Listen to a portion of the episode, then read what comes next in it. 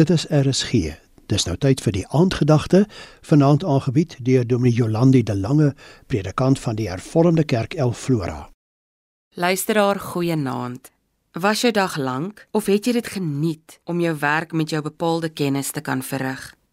Dit is hartseer en kommerwekkend dat die statistieke aandui dat 60% van Suid-Afrikaanse jeug tussen die ouderdom van 18 en 30 werkloos is. Ek het onlangs 'n artikel gelees waarin groot maatskappye aangemoedig word om eerder te belê in die jeug, want die jeug bring immers innoverende idees na vore.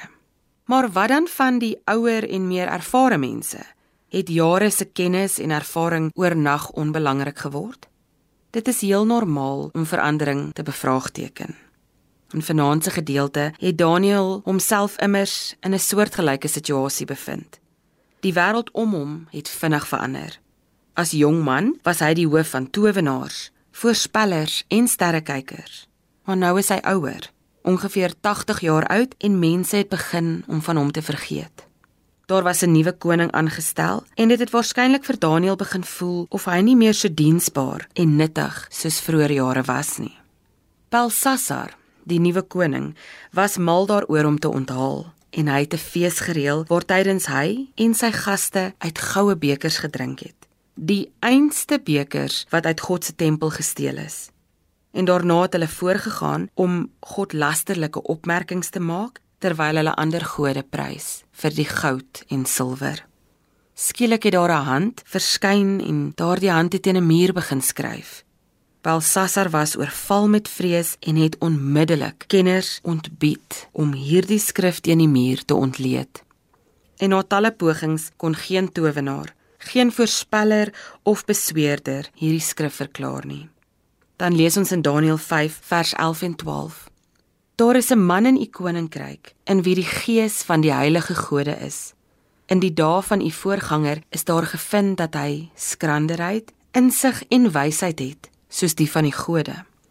U voorganger Nebukadneser self het hom aangestel as hoof van die towenaars, die voorspellers, die sterrekykers en die besweerders. Hierdie man Daniël, vir wie die koning die naam Beltsassar gegee het, het buitengewone bekwaamheid en kennis en insig om drome uit te lê, probleme op te los en moeilike dinge te ontrafel. Laat hom nou vir Daniel en hy sal vir u die uitleg gee.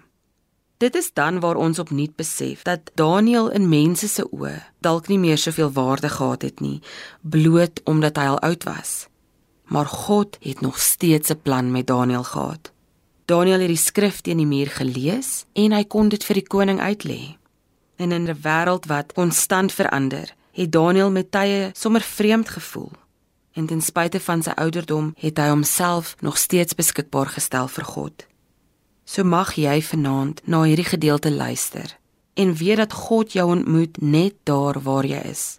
En mag jy besef dat God 'n plan vir jou het, ongeag jou ouderdom, jou geslag of jou kwalifikasies. En laaste, mag jy soos Daniël bereid wees om jou lewe lank vir God te werk. Amen.